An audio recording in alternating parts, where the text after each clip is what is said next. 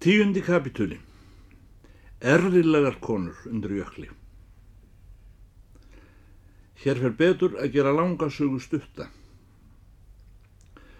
Umbóðsmaður í þar vill þó ekki láta undandragast að gera útdrátt úr sögnum sem hér hefa leiði landi frá því fyrir öndverðu um dularfulla konu. Stundum eina, stundum fans. Stundum hefur kona þessi tekið á sig mynd af óviðkunnanlegum farangri. Tumi Jónsson er tekinn til að segja formsögur af list sem engum er í því fólkin að reyngja þá sögu sem er þeir að segja, bregða sér undan átæki í lýsingum, sneiða hjá höfuðatriðum, afsaka söguhetjurnar fyrir að drýja dáðir sem uppið verða meðan heimurinn stendur, þurka af þeim andlítið af hægtveri, en til var að þvó þeim í framann. Fyrir bræðið verður aldrei úr þessu saga í hastala í yrkisefni. Konurnar halda áfram að skruppa. Þetta var langur morgun. Frum kona héræðsins og dölkona. Þórgunna, svo sem bast hingað úr diblinni forðum, varð upphaf fróð ár undra á dögum eirbyggju. Þórgunna var hákona vexti, dáindis þrifleg og fjölsgrúðug, segir Tumi og hinn errilegasta kona þóna er fymtugu. En þá voru þær konur kallaðar errilegar sem nú á tímum eru sagðar framúrskarandi. Egi verður með öllu ljóst af formbókum hverjar þjóðarþórgunna hefur verið, skoti, kimbri, kelti eða íri, nema hún var ekki kona norræn. Það er því ekki líklegt að hún hefði heitið Þorgunna. Hvað hún hefur heitið vitum við aftur á móti ekki, segir Tumi Jónsson. Eitt er víst.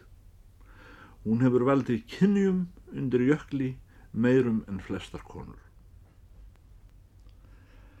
Þessi kona var engum í því leikinn að koma feiknstöðum til vegar og eru frásagnir af hamremmi hennar en mikið rannsóknarefni sagfræðinga þó mörgum sé það nokkuð uh, við kvömmál.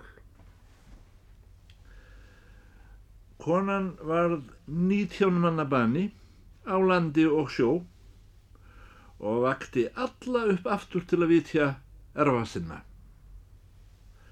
Þeir er sjódauður voru settust alvotir við elda og tóku að vinda sig en hinn sem dísjaður voru skóku klæði sín og hreittu mold á fólk. Þó má vera, segir Tumi Jónsson, að þetta hefði verið spaugarar, eftir vil aðkomundrengir og hefði dullklæðst til að rekja fólk. Þá er konan var látin, var hún lögð í svifti kistu, er hún átti, en svo héttu ferðakistu til forna. Hún hafiði verið kona Kristinn og þetta gerðist árið þúsund. Var hún að beigni sinni flutt til gravar í Skálholt en þá var ekki til utan þessi aðleinn kirkjugarður á landinu. Var Þórgunna Jarðsungin þar fyrst manna í víðum reit á Íslandis og sögur hermi. Þá telja sumir fræðimenn að þessi gardur hefi ekki verið lagður fyrir en rúmlega hálfri öld síðar, segir Tumi Jónsson. Undan jökli er færið á fimm dögum til Skálholts. Höfðu líkmenn erfiðar dagleiðir með farangur sinni yfir ströymvötn og fjallgarða voru oft illa haldnir. Íslendingar eru menn líkt gestrisnir í fornsögum og hefur það orð lengi vilja viðtolla þó margt hafi betur skipast síðan kaffi varð fundir. Urðu bændur líkt til að greiða þeim mönnum götu er færðu með sér kristin lík um héruð. Að neðranesi í stafhólstungum var þeim enn sinjað matar, fengu þó að liggja í stofu og geima líkið í úthísi. En um nóttina reys lík konunnar hið mikla á fætur, skam nakið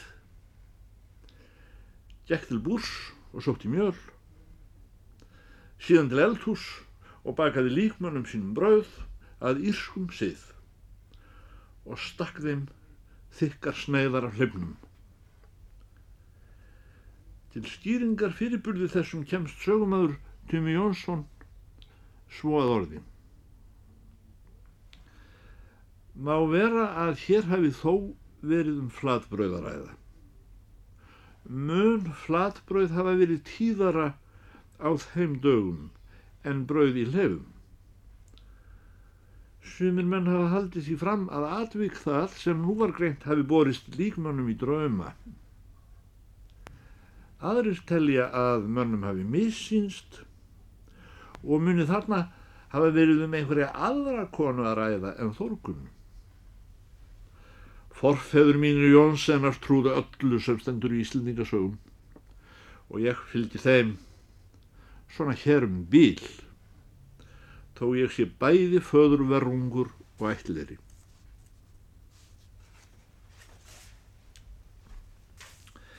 Ellefti kapitúli Þáttur af úrsalegi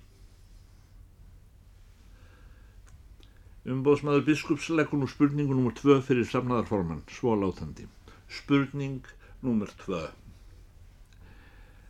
Er nokkur tilhæfa í því að sér að Jón Prímus hafi kvænst snemma á árum en kona hans hlaupist frá honum án þess prestur hafi síðar gert gangskur að því að fá við hana löglegan skilnað. Svar Tuma Jónsens samkvæmt stenogrammi umbóðsmaðs. Óþarfa málalengingar feldar undan.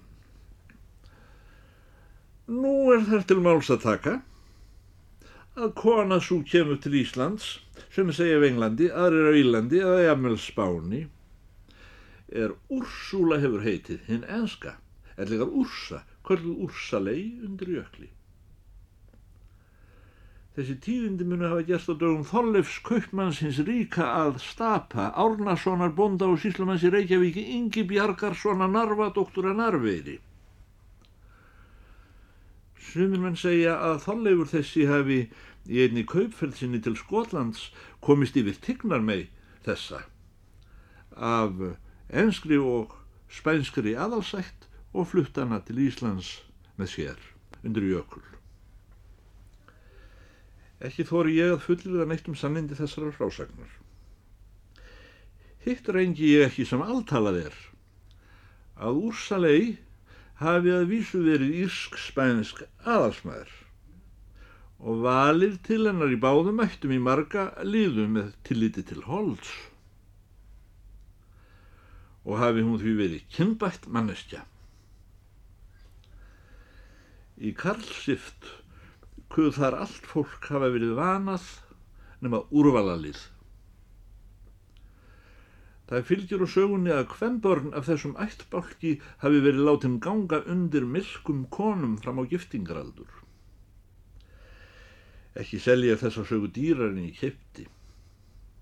Þó hafa skilvísir fræðimenn fullirt á saminskusamlega ábyrð sína að holda fari í ætt úrsalegjar hafi verið því líkt að konum þessum hafi einna helst verið líkjanda til kvenna sem í dagblöðunum núna eru kallaðar bombur í höfuðið á púðurfullum holkúlum sem ætlaður eru til sprengs.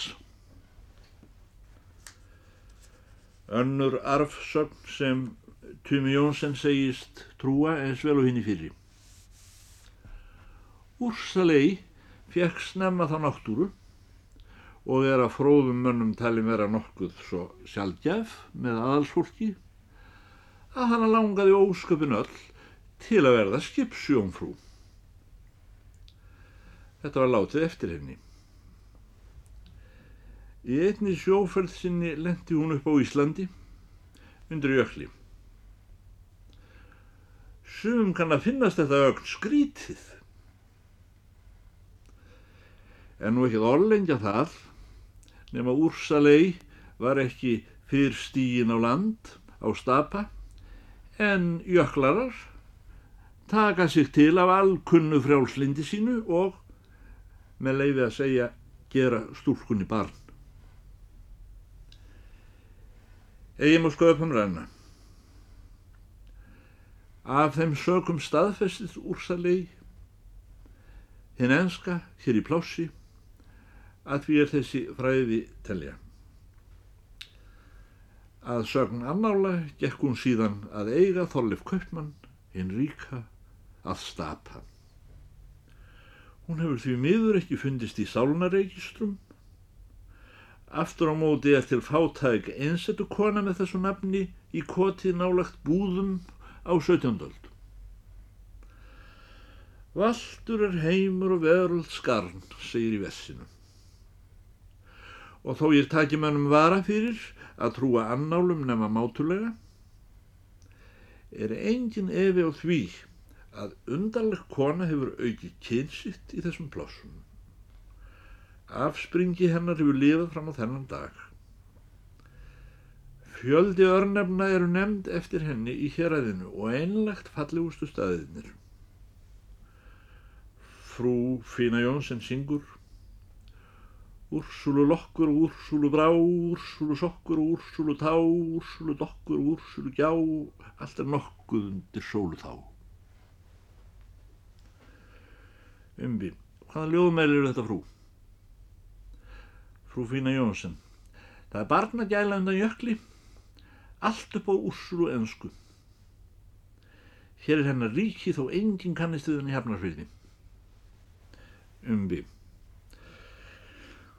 Ekki á biskupsskrifstofinni heldur og því miður ekki mikla líkur til að þessi fróðleikur komi okkur þar að miklu haldi á næstunni. Ég renni augum yfir blöð mín og tek saman. Spurt var um safnaðarlíf og kirkju, svarað um fóðurun snjótillinga og járningu hesta. Spurt um grönsamlegar farir, máski útfarir á jökli svaraðum lík sem stóð upp í nakið og bakaði líkmannum sínum bröð. Við gendi hjónabandstatus soknarpressins fæ ég tíðindi af spænskri aðalsfrú sem milkti konur allt þar til jöklarar gerðinni barn. Fróðlegs vör, en í meira lagi óbein við þeim spurningum sem ég var að myndast við að bera upp, gæti vafist fyrir þeim í kirkjumálaráðunitinu að koma svona fróðleik saman á heim. Tumi Jónsson að öllu samtöldu getur vafist fyrir mönnum að skilja ímislegt undir jökli ef bestjinn vantar á kvennfólkið. Umbi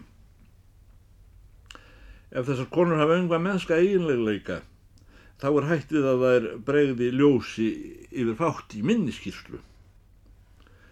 Frú Fína Jónsson Það er sagt um úrsúlu ensku á þessar konur og á ugglaust við um þórgunu líka að þvói sér aldrei.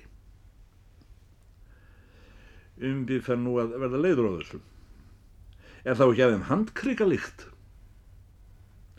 Frú Finna Jónsson, æfinlega hreinar, hreinastar konur undir jökli. Sjást aldrei borða, samt feitar. Engin sé þar sofa, en til í allt, jafnvel klukkan þrjú á nóttunni.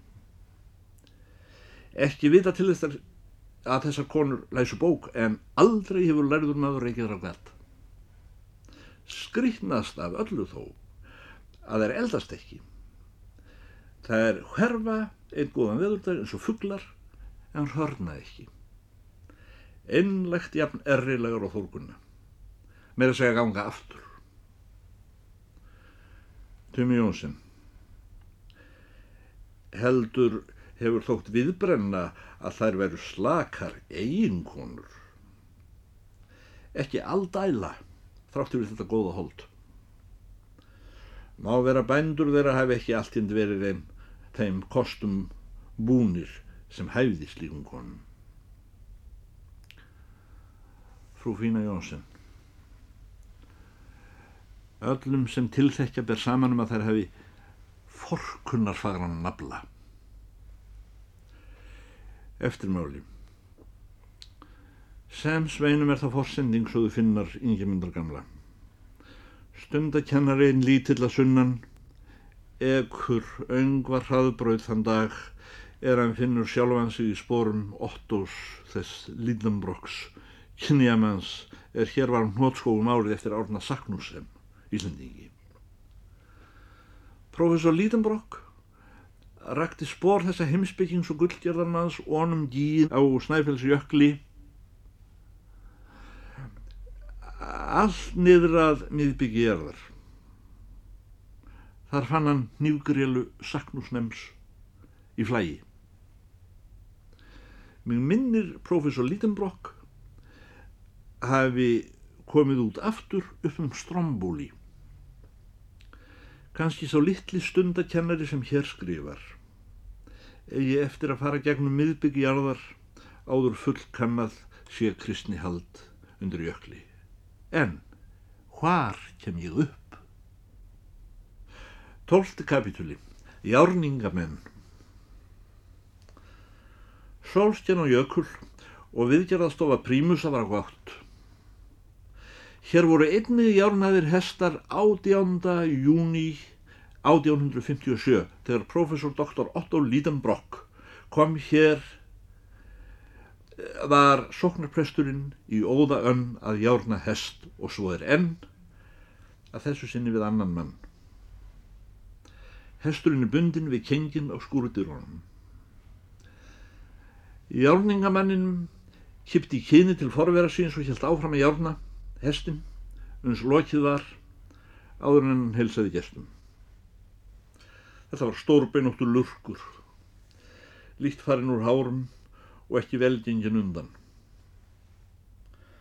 Virðurlegur bondi stóð öfugur undir klárnum með konungsnefið á honum í fanginu og hjælt upp hópnum undir skefuna en járningamæðurinn tilti undir, smiðjuklættur, grámengaður á hár, úfinn. Hófjæðurinnar hafði hann í munni sér. Þessum stóra hesti hafði áræðanlega verið í lofa lagið að draga kengin úr dyratrénu eða jafnvel snara skúrnum á grunni. Járningabæðurinn. Má byrja gestin að halda við hestin rétt á meðan ég er að velda búin. Við tímdum ekki að setja á hann snarvöndul. Mætti klórun bak við eirað. Því að nú ver ég á ekki hrossaklóru. Undrið þaður greipum taumin á hestinum uppið flipan og fór á klórun bak við eirað. Hesturinn tók þetta gilt og kyrðist svo undirritaður frá að horfa á jökulin. Í raunréttir er jökullin of enföld sjón eh, til að heyra undir það sem kallað er fallegt og engin veit hvað þýðir og hver og einn ávið eitthvað annað en hinnir. Eitt þeirra orða sem vissara er að nota horki um jökul nýja annað. Undirritaður hefur ekki áður séð jökulfell þetta nema úr oflangri fjarlægð en átti nú eftir að kynnast því um skeið. Fjallið minnir á leir ílát á holfi, ögn bláleitt á glerungin, ef svopur undir, en stundum eins og gullbritt, kínaposturinn, gagsætt engum af sólinn nýjinn til vesturs yfir hafinu því þá leika gesslarnir um breðan tveim megin frá. Hérðan er jökullin orðin dálítið stórgerður í sér eins og prentmynd sem ekki nógu góð, breðin víða regnskitinn að neðanverður, eins og það segir hérna, og hefur tekið þessi rákir eins og kámað prent. Líklega þyrti helmingur jökulfannar enn að bráðna áður en hægt sé að tala um sömar í landi en hver segull sem ég er ekki reyðu búin að skýra dregur augamanns að tindinum.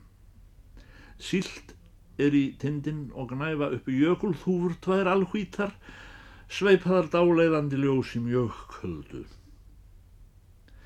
Millir þessara þúfna verður gígurinn þar sem þeir steiptu sér í ofan að ráði árna Saknusems, gullgerðarnas, þremenningarnir, profesor Lidenbrock frá Hamburg, ásamt Axel frænda sínum og hans Íslandingur Bjelke, mælandi upp úr orðabók nokkuri sem virðist hafa verið til á Fraklandi um miðja 19. öld og kynnið hafa verið sænsk og fundu þessir kallar miðbygg jarðar sem fyrir getur.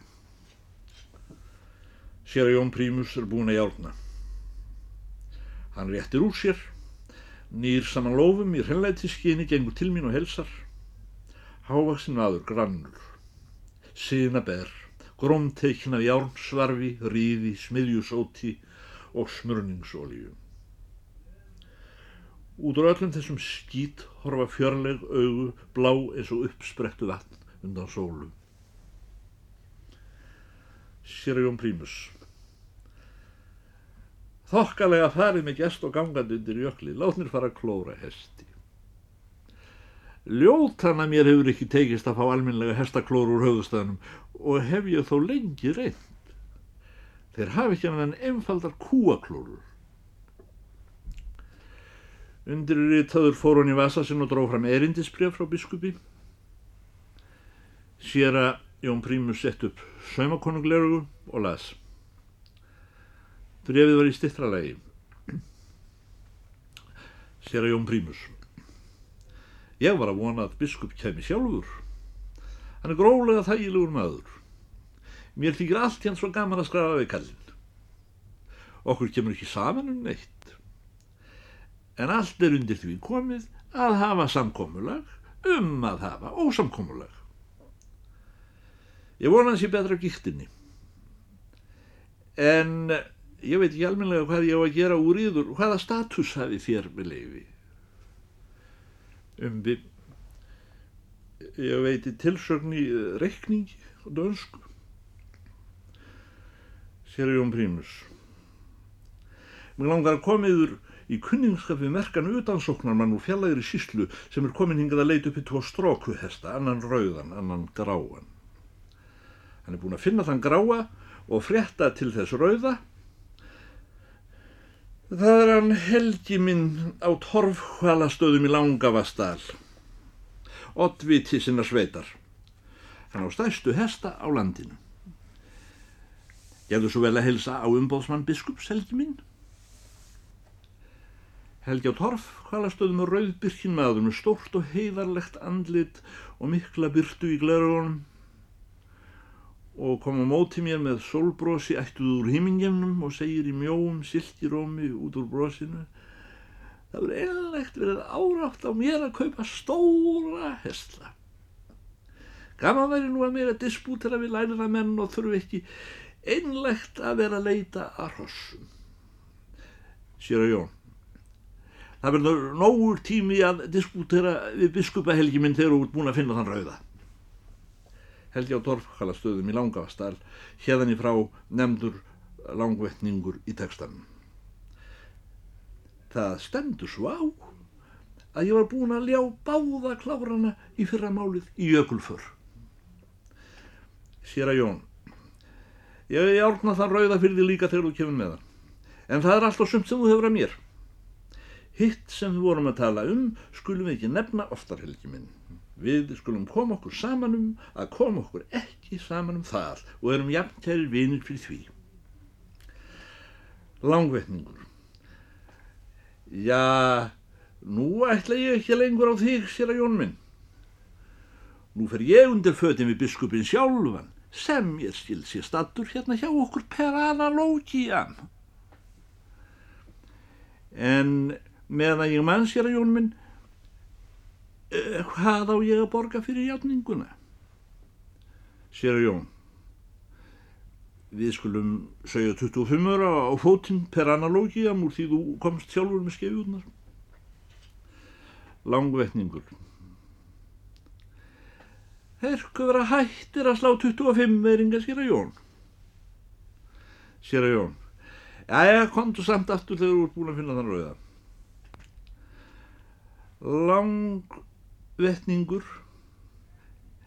segir eftirvill við mig úr því hann var búin að markþæfa málið við prestin Við ætlum sem sé að skreppa upp í jökul eftir lítilræði í fyrramálið og gæti vel svo farið við þyltum á kirkjuna halda. Sér að Jón, farnum á þér á staðbúndi og eiginlega þú anskotan í fristni eins og hann sér að Jens eitin á Setbergi og var hann að segja við menn.